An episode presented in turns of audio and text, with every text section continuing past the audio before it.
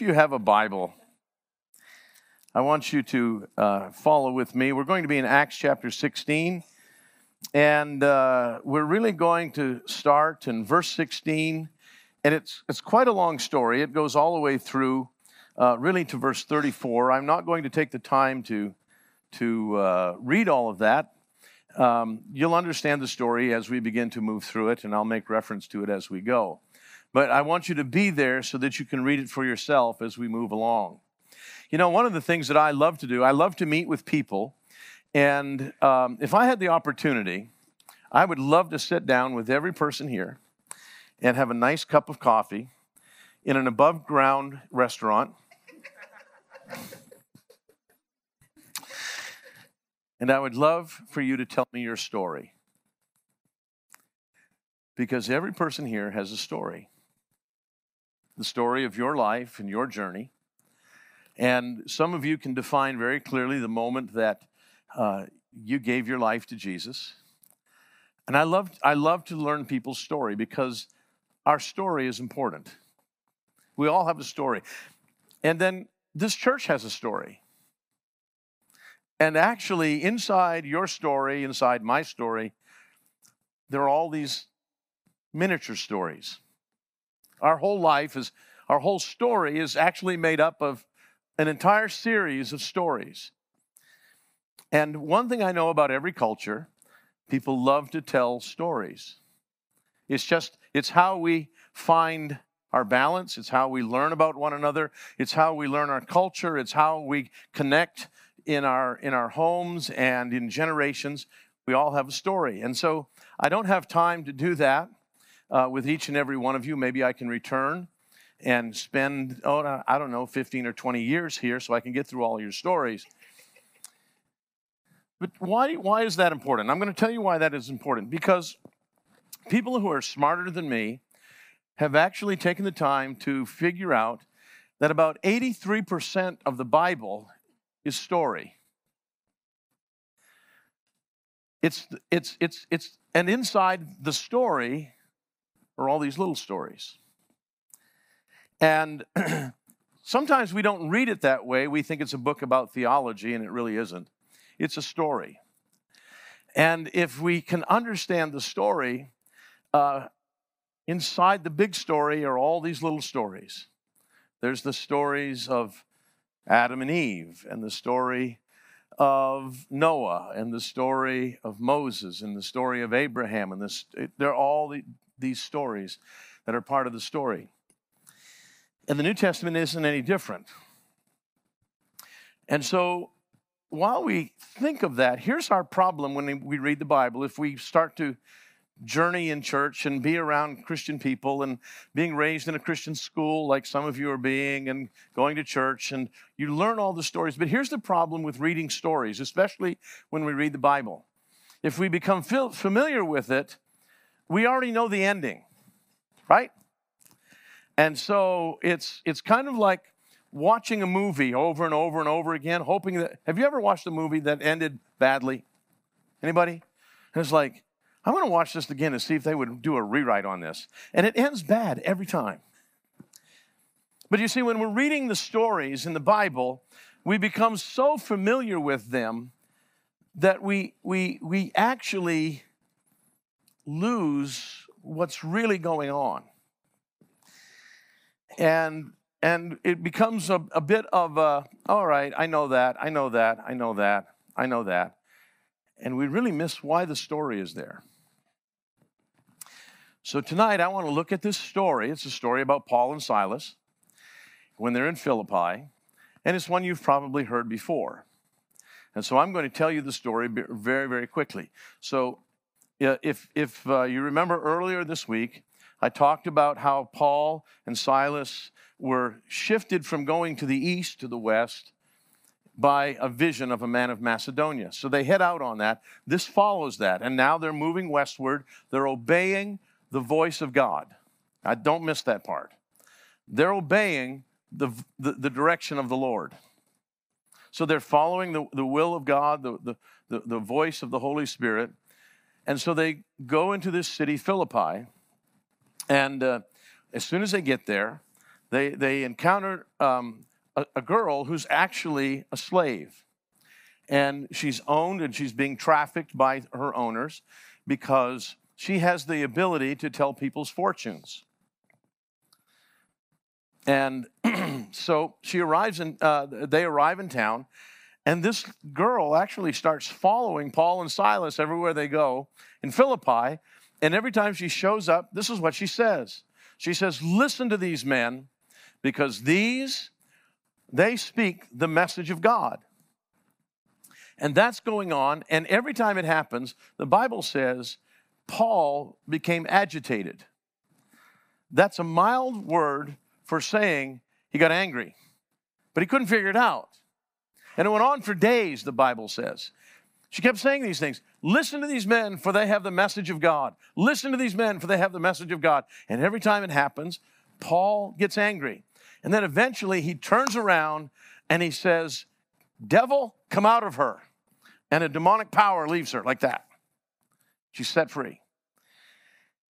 Now, I, I wish I had time to teach this to you, so I'll just give it to you very quickly. Let me help you to understand this. Why didn't Paul do that on the first day? Because it was the right message. What she's saying was true. Right message, wrong spirit. You say, why does that matter? Because that happens in churches sometimes. Right message, right words, but something's wrong. I don't know. If you've never experienced that, I pray that you don't do it tonight, please, because I'm speaking, okay? Right message, but wrong spirit. And so Paul couldn't figure it out. And of course, he, he, he deals with this. Well, you think people would be grateful. Now, let me remind you that they are obeying the Spirit of God. They've had a vision. This is what they're doing. They go, Paul casts out this spirit, and immediately the people uh, surround them and they beat them up. They tear their clothes off. They beat them with sticks and rods, and then they lock them in prison. So, I want you to think about that for just a minute because they're obeying the will of God, they're obeying the Spirit of God, and they set a girl free from demonic powers. And the thanks that they get is to be beat up until they're bloodied and naked and then locked in prison. Now, I want you to know I've preached some bad sermons in my day, but that's never happened on the other side. Tonight is not going to be any exception. I just want you to know that. So put that in, into, into, into the picture for just a moment. And, and ask yourself this question How would you respond if that were you? Because that's a bad day. Any of you ever had a bad day? If you've never had a bad day, well, I really don't know how to help you. Have you ever had a moment where uh, you're a little confused about what's going on? You say, Why do you tell us all this? I want to tell you some things about stories. Truth number one stories are always more fun to tell than they are to live. Let me say that again. Stories are always more fun to live than they are to tell. You know why? Because we survived them. And some of our stories, well, they weren't that fun at the moment. But now that we've lived through it and we survived, we're on the other side, all of the anxiousness of that has been taken out. So let me, let, me, let me, let me tell you a story. So in, in, uh, in the springtime of 2021, at the end of COVID, uh, I had to go have a total knee replacement. Uh, I've worn it out by doing too much, too often. I had nine surgeries on it. It wasn't going to make it, so I've got to have a total knee replacement. So I go in the hospital. I have my knee replaced on a Thursday morning, and then Friday morning, they send me home. Wonderful. All bandaged up, lots of drugs, feeling no pain. It's a great thing. But before they sent me home, they sent me in with a physical therapist. She was a holdover from the Third Reich of Germany because she wanted to torture me. And she, I mean, and she said, You have to do these 15 exercises three times a day when you get home. But before you can leave the hospital, you must do all 15 right now. And so I wanted to get away from her. I was highly motivated. So I, I struggled through the exercises because remember, uh, the morning before I had a real knee, and now I have a metal one. And, and, and so I, I got through the exercises. She said, Good, you can go home. And I said, Thank God I can escape this woman. So I go home. And I get home in the afternoon, early afternoon, and everything's going fine. And then uh, I said to my wife, I said, Listen, uh, I need to do these exercises. She said, Well, why do you have to do them? I said, Because I'm not going back to that woman. And so I said, I'm going to go do the exercise. So I went in, in our bedroom and I went through the exercises, and everything was fine. And then I went, went from our bedroom and I went back out into our living room where I have a recliner because I really only have one leg. So there I am, and everything is going fine. And all of a sudden, every muscle from my hip to my toes went into a complete spasm. And we didn't know what it was at the time, but because it started tearing all the stitches on the inside and on the outside of my leg. It was just being ripped apart. It was great. Not. So, so I am in extraordinary pain. And so we called the doctor's office, and the doctor's office said, Have him take more pain pills. I did. Didn't help. Didn't do a thing. And so it keeps getting worse and worse. Well, let me help you to understand. I live in a very small town. It only has 4,000 people. And, and all of our emergency services are volunteers. They don't get to volunteer to do too much with only 4,000 people. So, my, my daughter is uh, a nurse practitioner. So, my wife calls her up and she says, What do we do with your father? And she said, Give him more pain pills. And my wife just held out the phone and said, Listen to him. And then my daughter said, Call emergency services. I'll be right there. So she calls emergency services in our town. This set in motion the most extraordinary moments that I've ever witnessed. In about 10 minutes, I heard sirens coming for the house. And then I realized that they sent a fire truck. It's like, I'm not quite sure how that connects to what's going on in my body, but they're here. And then 12 people step into my house. And this is like the most exciting thing that's happened in our town in a decade because they actually have something to do. And they normally don't get to work on live patients. And I'm in pain. And so they bring in, they bring in a, a, a, a little cart and they lay it on the floor. Now I'm in my recliner and I can't move. And they said, if you would just lie down on this cart. I said, You don't understand. I can't move. And they said, But you've got to lie. I said, I can't lie down. You're missing the point. I can't. And they said, What are we going to do? So they ran out and they brought in a chair. And they said, If you could get up off the couch and get in the chair. I said, You're not getting this. I can't do this. So they said, Well, what are we going to do? So I said, Okay, gentlemen, here's what's going to happen. It is 19 feet to my bed. Get out of the way. I'm going to get there. Now, I might pass out on the way. If I do, you need to catch me. But I'm going to get there. And when I get there, you're taking over. Well, I made it to the bed. And so they put me on the little cart and they carried me out. And I thought, they're going to put me on the fire truck. Mercifully, on the other side of the fire truck is an ambulance. And they put me in the ambulance. But they don't understand what's wrong with me. They think I'm having a heart attack. They, they don't know. They're, I mean, so they need to take my blood pressure.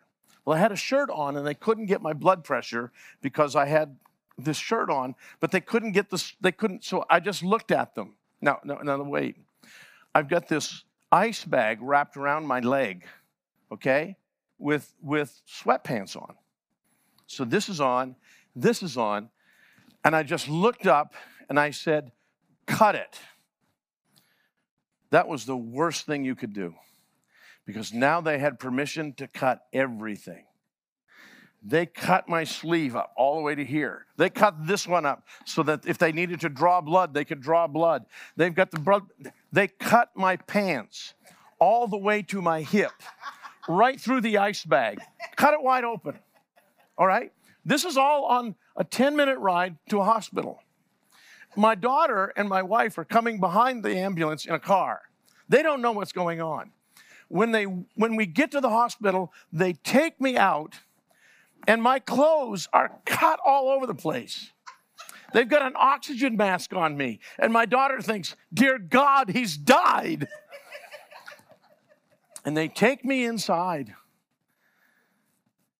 And eventually, a real medical person actually understood he's just in pain.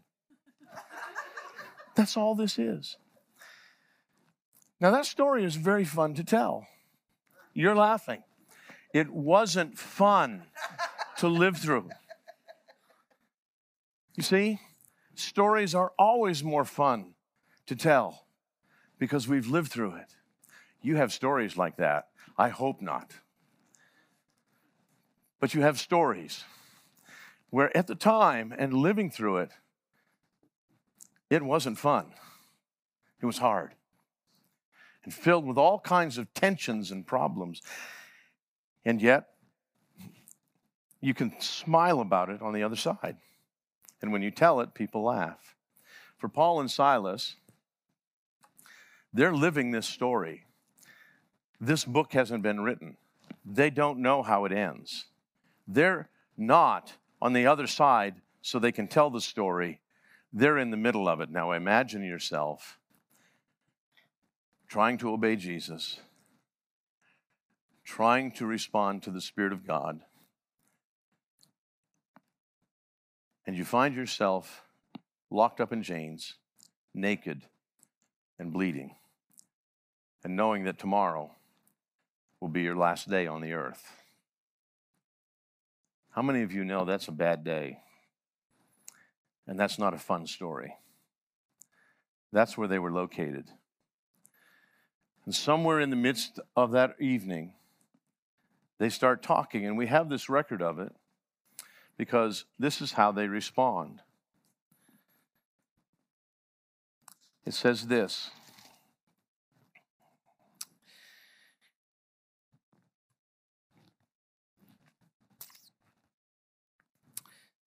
Around verse 25. He says, But at midnight, Paul and Silas were singing, praying, and singing hymns to God, and the prisoners were listening to them. Just stop right there. I don't know when they started singing, but somewhere in there, in the absolute uncertainty of what tomorrow was going to bring,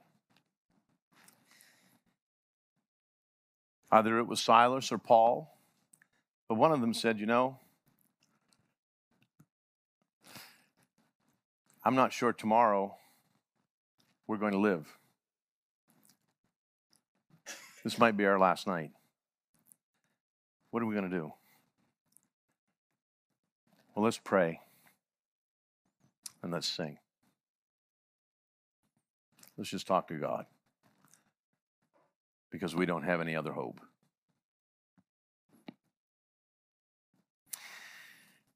You see, here's what I've discovered about every story that we go through in life Every story has a midnight.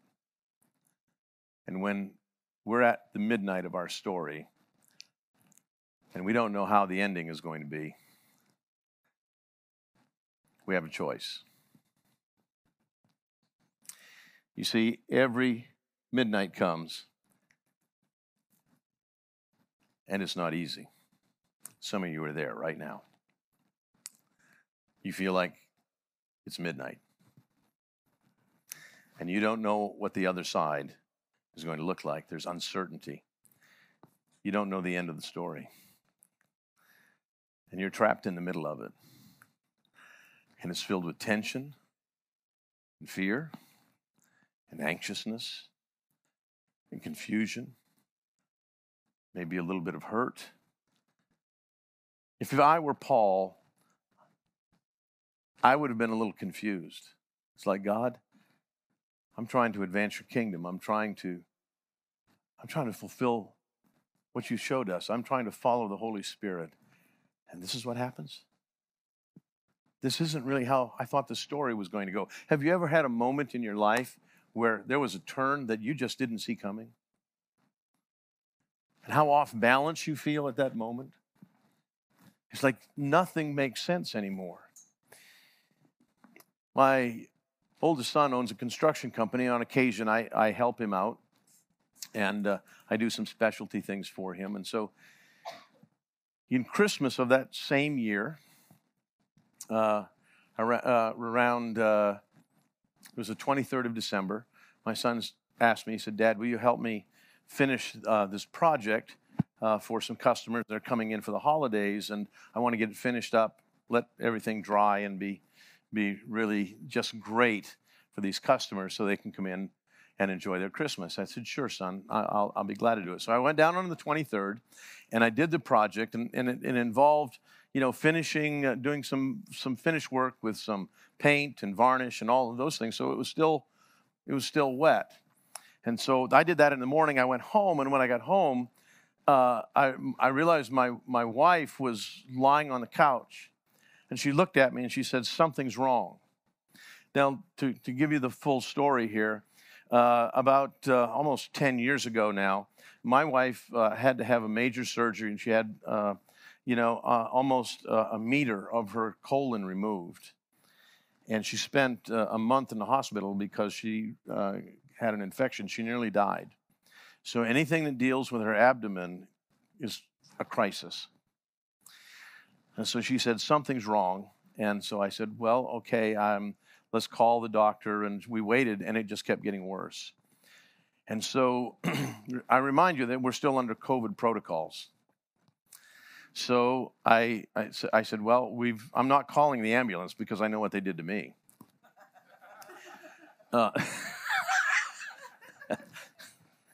and so uh, I said, I'm, uh, I'll take you to the hospital. I, I, took her to the hospital, and when we got to the emergency center, of course, because we're under COVID protocols, I can't go in the hospital.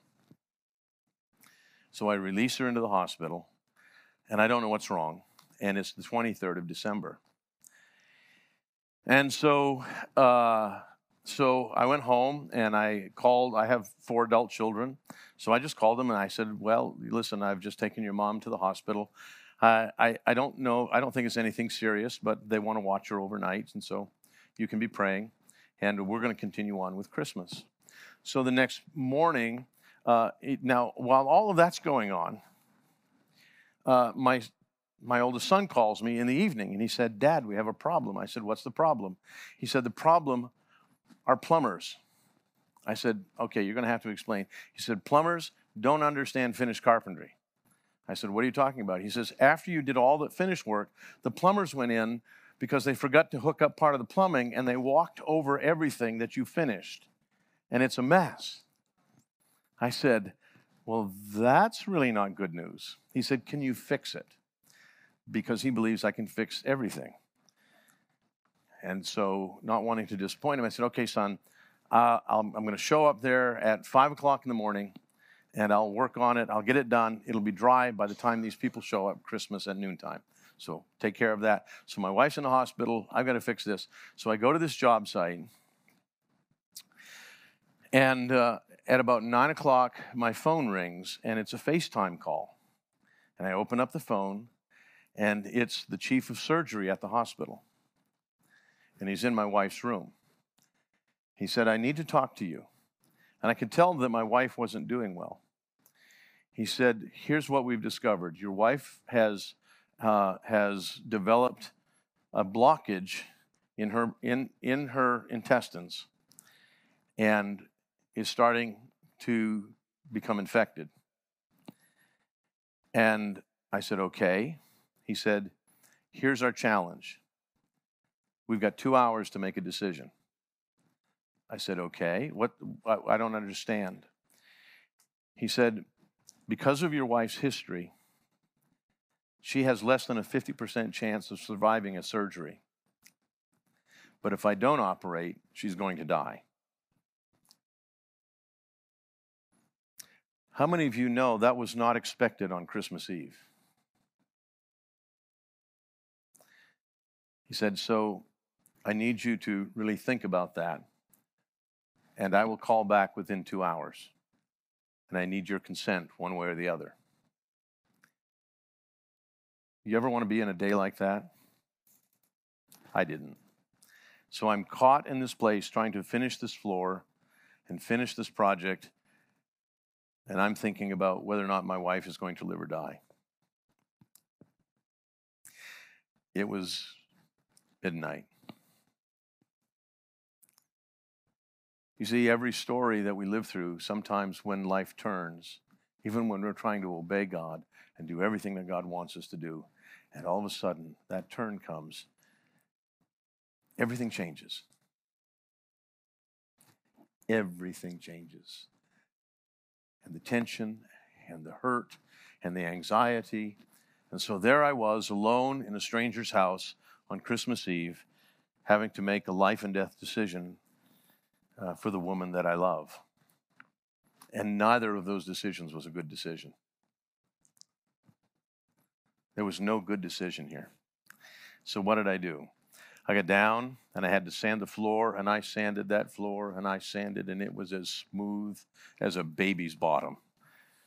And I prayed, and I worshiped, and I wept, and I said, God, what do we do? And I'm thinking about my four children and my nine grandchildren, and I have to tell them on Christmas Eve that this is what's happening.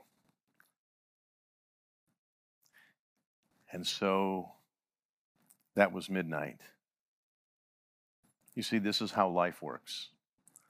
And if you've never been at midnight, you will be. Because Jesus said, In this world, you will have trouble. You say, This isn't a very encouraging message. Yes, it will be. But I want us to just face a little bit of reality about living in, an un, in, in a fallen world. We go through heartache, we go through pain. And if I had time to listen to your stories, and some of you tonight, it's your midnight moment, and you feel everything that I'm talking about, and it's right here. And I'm here to tell you it's okay to have it right here. This is life. Paul and Silas found themselves at midnight, and they didn't know how the story was going to end, but they made a choice. You see, that leads me to the most important part of stories, of your story. Because what we do when it's midnight determines how the rest of the story goes. And what will happen with somebody who's watching us. See, here's what I know about humanity. I know this about life. No matter what's going on in your life, somebody's watching how you're handling this moment. Somebody's looking at you. That could be your children, your grandchildren, your neighbors, a friend, somebody that you're trying to lead to Jesus. I don't know who's watching, but they're watching. They're not talking to you, but they're watching. How do I know that? Look in verse 25 again. So Paul and Silas are in this moment, and they know, they, they, for all they know, tomorrow they're going to be put to death, and they choose to start to sing and worship God. But note, don't miss this, because this is what the Bible says. And all of the other prisoners were listening. They weren't talking to him, but they were listening. You see, what I'm saying is there are people in your life and in my life, and they're not talking to us, but they're watching how we're handling what's going on paying attention to it. A lot of years ago, when I was a young man, I, I, I, I worked as a carpenter to pay my way through college. and so I had this man, and I rode to work with him every day. And he was terrible. I'm just going to tell you this. He was, I mean, all he did while we rode to work was tell me about all of the terrible things that he would do and all of the immorality that he was involved in. I'd hear it on the way to work, I'd hear it on the way home. Now, here's the worst part he was married to my cousin. And I had to listen to this all summer. He knew I was, I was a, a, a believer, he knew I was a follower of Jesus. And he really did this to just irritate me. And it was an hour to work and an hour home, and I would listen to this two hours a day. Well, one day on the job, um, we were working together, and as I was about to nail something, the nail slipped. And when it did, I took the entire side off this thumb. And when I did, I took my hammer and I threw it like this. And, and, and uh, have you ever had that kind of pain? And, and I, this growl started to come out of me. And all of a sudden, this guy ran around the corner and he said, Don't do it. And I looked, I'm in pain. I said, Do what? He says, Don't you dare cuss. You're not allowed. It's like, It's fine for you. But I'm missing a thumb.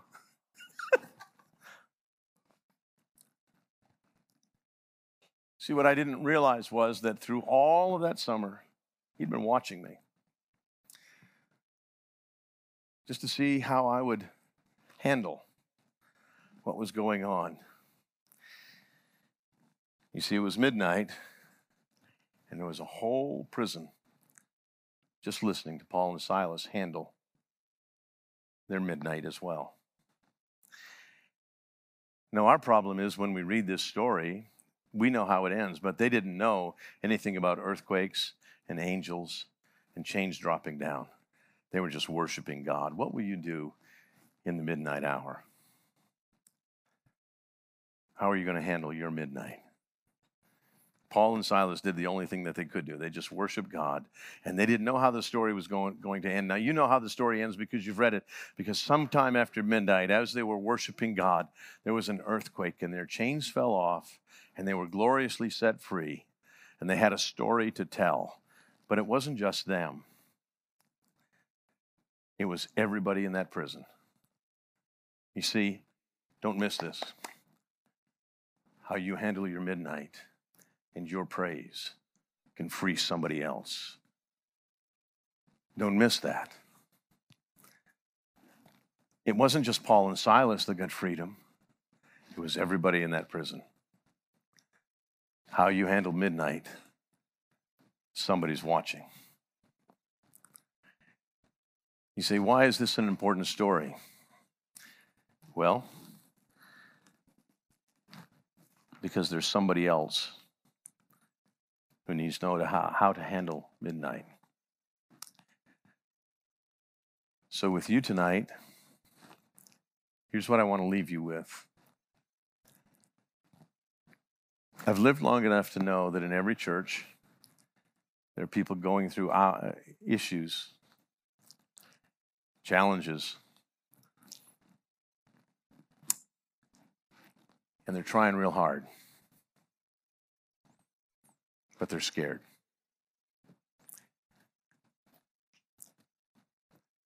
It's okay. And I can't guarantee an outcome, but I can promise you this what you choose can change somebody else's life because they're watching. I don't really know everything that's going on in this church.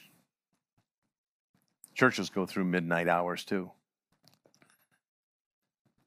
But here's the good news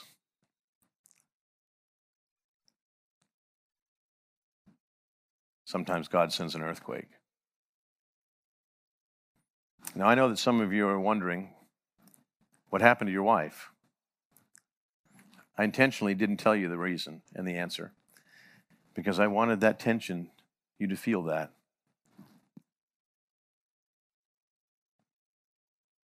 I got a phone call about 90 minutes later, and it was the chief of surgery. He said, I need to tell you something.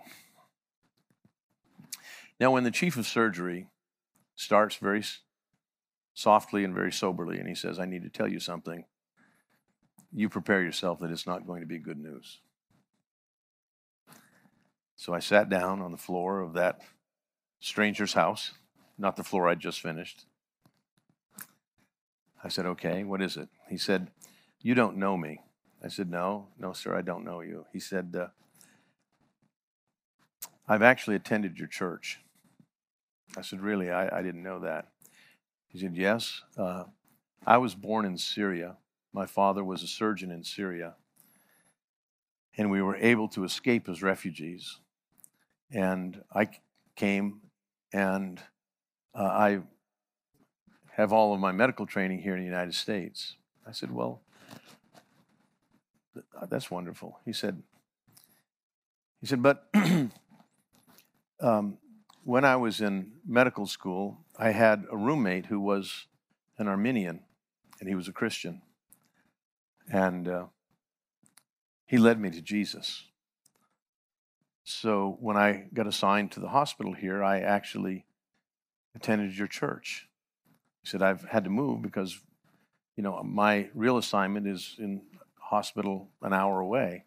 I said, Well, that's fine. You don't have to apologize. I, I don't really understand what what's this got to do with my wife? He said, Well, he said, after I got off the phone, I didn't know what to do. And he said, You can't tell anybody this story because I'll lose my job. I said, Okay. He said, I didn't know what to do because I knew the, st- I, knew the, I knew the chances that we were facing. He said, So I closed the door and I locked it. And all I did was put my hands on your wife and I prayed in the spirit for her for a half hour.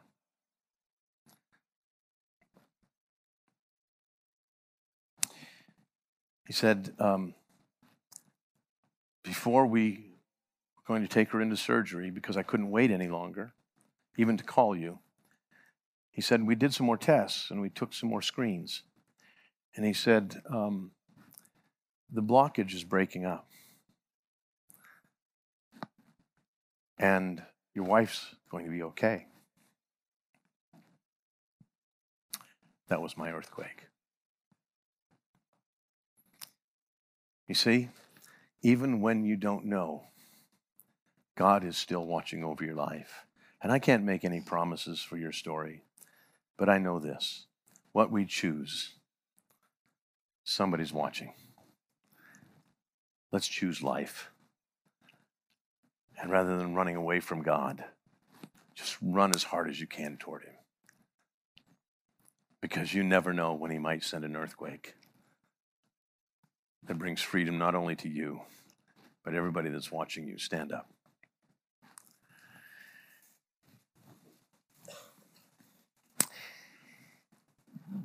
Uh, can I have some worship people up here? Would that be okay? Thank you.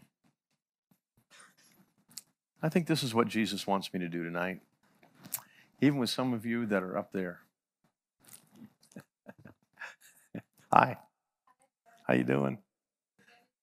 I love you too. You know what? You guys can come on down here if you want to. Because here's what I want to do I want to pray for people. I want to pray for some people who, in your life, there's something going on and it feels a little bit like midnight.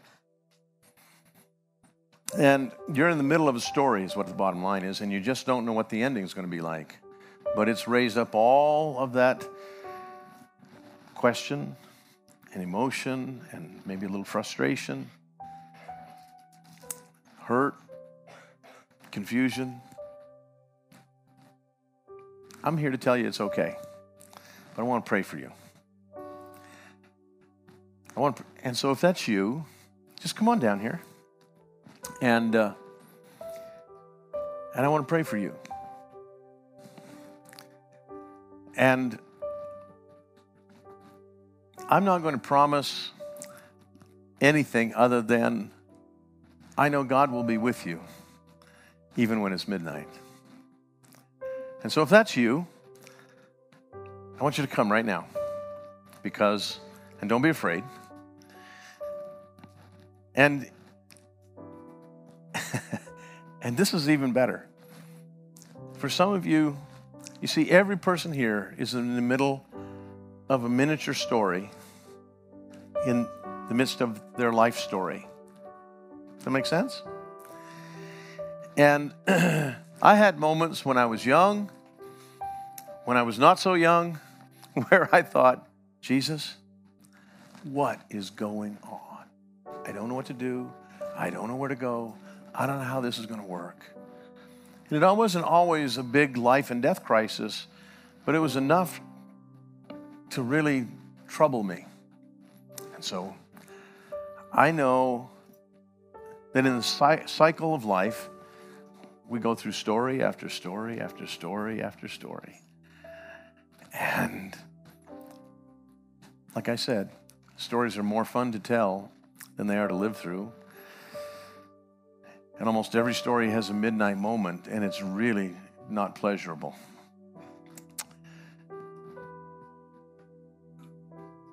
But in every story, there's always the someone else who's watching how do you handle it? And they may not know Jesus, but they know you. And they watch how you walk. And I'm here to tell you I understand what it's like to walk in pain. I don't mean physically, I mean the pain of a broken heart. If I had time to sit and you wanted to hear some of my story, you'd hear a long trail of times my heart has been torn out of my chest and crushed on the ground.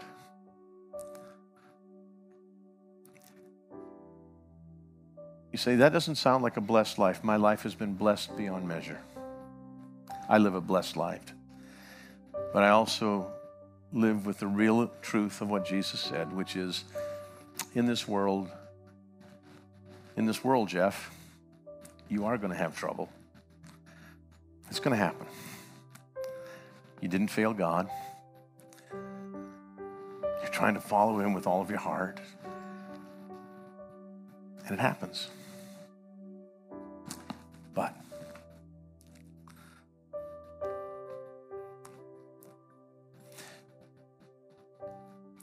Let me give you just a little bit of encouragement. Do you know that midnight is always the beginning of a new day? You hold on to that. Midnight's scary, it's dark, but it's the beginning of a new day. And I'm just trusting Jesus with all that I have right now for every one of you. That when I return, you're going to have a story to tell. Can we agree to that? You're going to have a story to tell. So, it may feel like midnight, and that's okay. I want you to know you're not alone.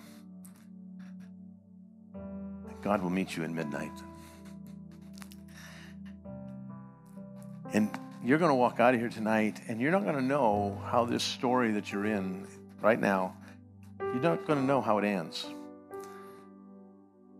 But what we choose in that midnight moment, I hope and pray that you'll choose to be like Paul and Silas and say, you know, we might not be alive tomorrow but he's still worthy.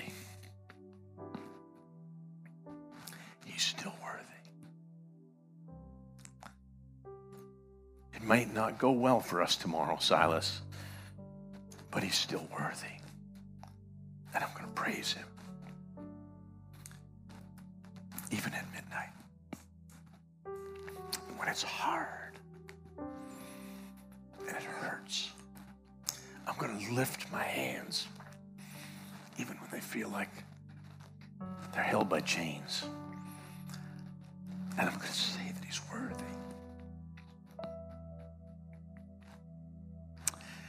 Because I was lost and He rescued me. I was broken and He took me in. He's still worthy, even at midnight.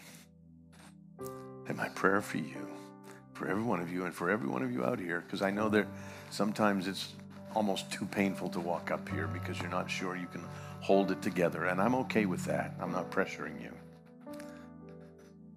And I can tell you this if you've never been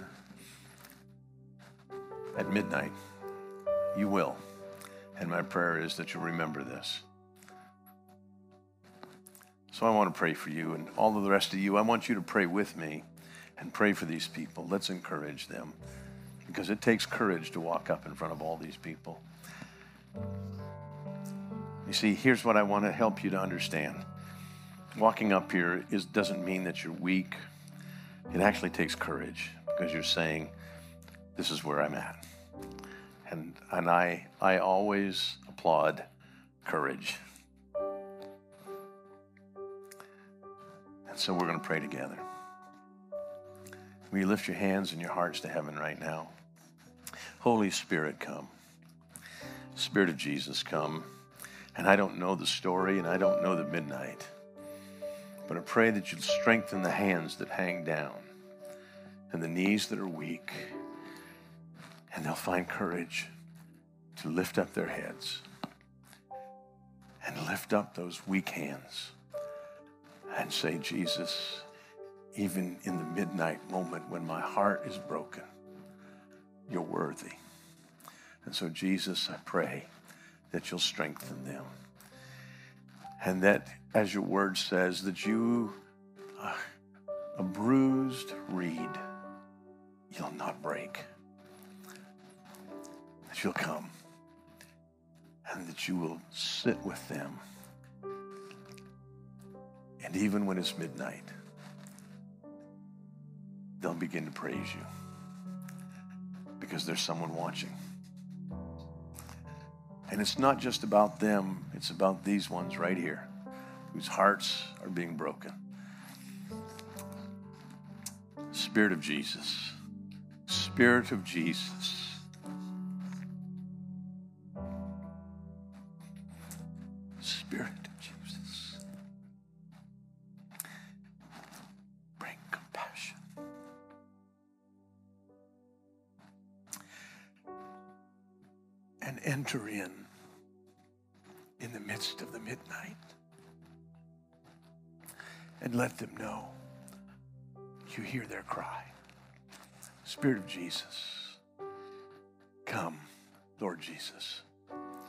Holy Spirit, come.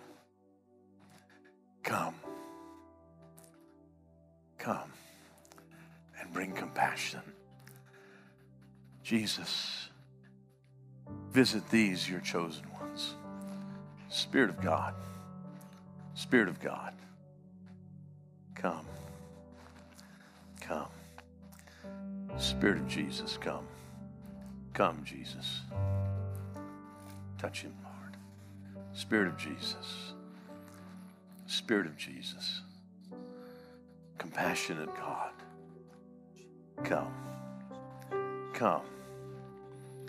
Holy Spirit, come and manifest the goodness of God. Bring the goodness. Let them know that you are with them. They haven't failed you. You have not abandoned them. They are not alone. They are not alone. Spirit of Jesus. Spirit of Jesus. Spirit of Jesus. Spirit of Jesus. In the broken places, in the broken places of their heart, in the places of fear and confusion and questions and anxiousness. Father, in the name of Jesus, in those hours where sleep is hard, come. Come and bring calm to the troubled waters and the questions that just won't stop coming. Spirit of God, come. Come. Spirit of Jesus. Spirit of Jesus. I ask you, fear, worry, anxious thinking, I ask that you would lift it out of her spirit. and just simply let her know I'm here. That's what the Lord is saying to you. I'm here. I'm here. Stop worrying. I've got you. I've got you. Spirit of Jesus, for the things that her heart longs for and that she's prayed for. Come. Come. Thank you, Lord Jesus.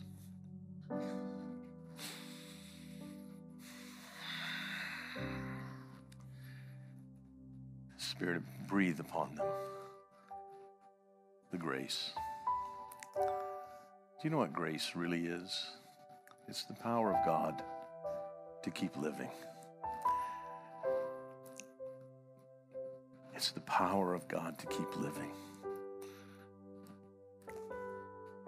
to get back up, even when we've knocked down. This is what the Word of God says that even though the righteous man stumble six times, seven times, he'll get back up. It's not whether you stumble, get back up. I hope and pray that for each and every one of us, for you, and even for myself, I want to have a heart like Paul. That even when everything turns the wrong way, I'll still praise Him when it's midnight.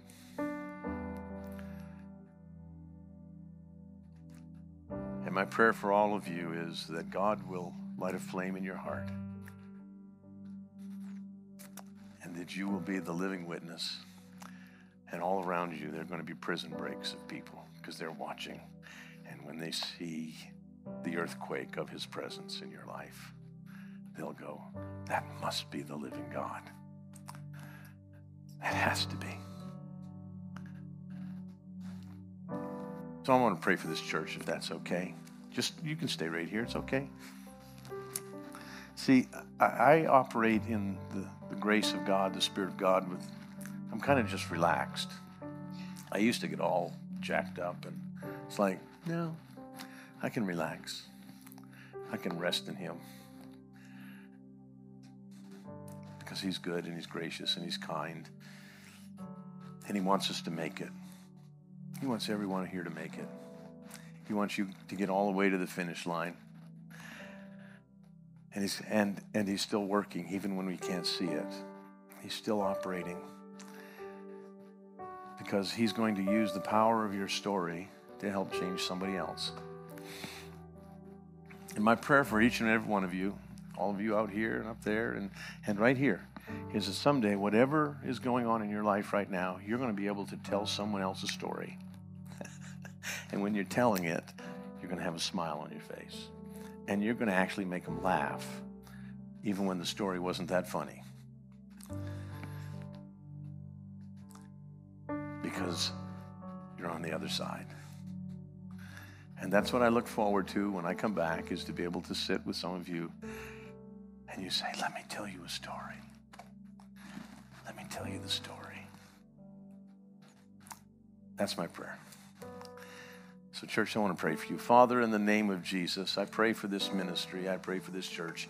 There is a definite anointing here, there is the power and the presence of Jesus. And I pray, I pray for Daniel, and I pray for Greta, and I pray for their team that your anointing would rest strong upon them, that you would minister grace upon grace and life upon life, not only in them, but through them, day after day. I pray that your anointing would rest over this place and that, that, that people would be drawn into the kingdom of God because they encounter the living God here. Father, I pray that when people walk out of here, they would walk out saying, What a great God. Not what a great church not what a great preacher, what a great pastor, but what a great God. And that we would be changing people's stories each and every day. Father, I pray for moms and dads here who care about their children. I pray that your grace would give them strength to live in front of their children in such a way that they are teaching their children how to walk through midnight and we'll pass it on to a generation.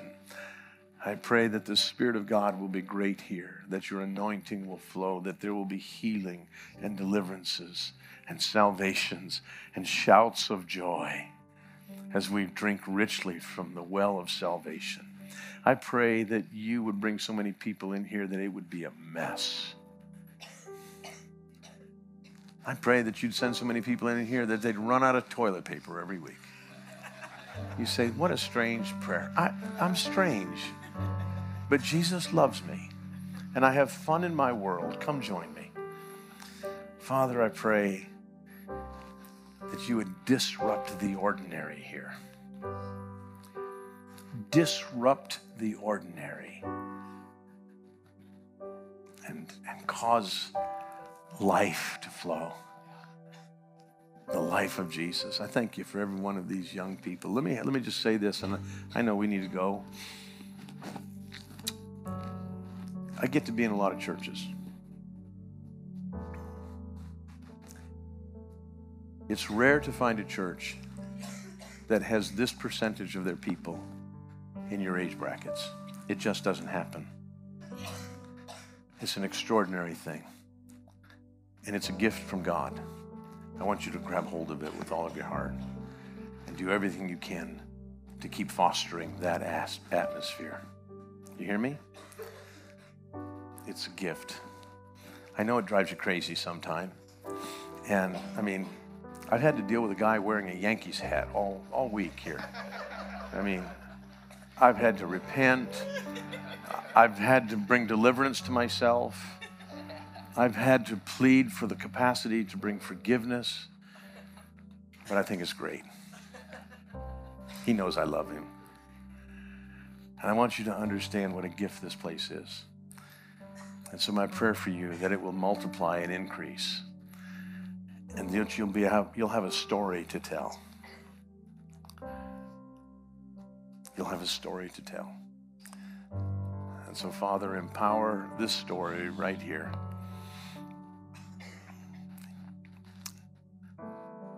And let those stories change lives.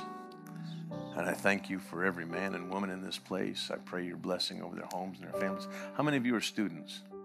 Just put your hand up. I know why you think it's midnight. Exams are coming. Just put your hand up if you're a student.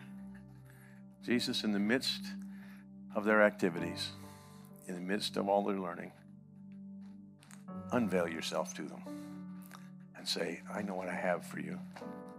Stop worrying about it. I'm going to take you places. Let it happen, Lord Jesus. So bless them in their studies and bring revelation of their journey. Bring revelation of their journey. You've called them to it. Unveil it to them and speak in a way that they can get it. So that they're not sitting there, I don't know if this is Jesus. Just speak in such a way they go, This is Jesus. Let them get it, Lord. And I pray that through this year.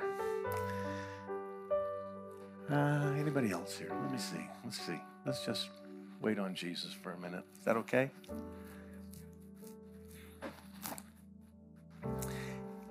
Okay, so I know this.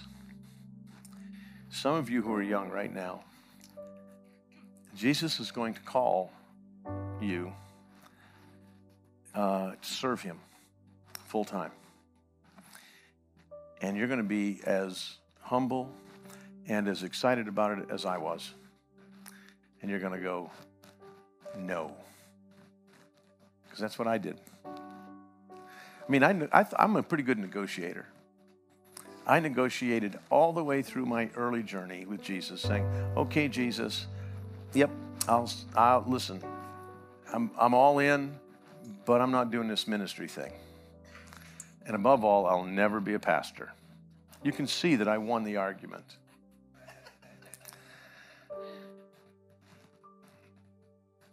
He'll be patient with you. But He can take your life and bring things to pass that you could never dream of, never think about. It would never even enter your mind. If you could have asked me when I was 18 year old that I was going to be standing in Norway someday, I would have told you you're nuts. If you'd have told me when I was 25, oh, by the way, you're going to go into Russia and help them start churches all the way to the border of China, it's like, no, those people want to kill me.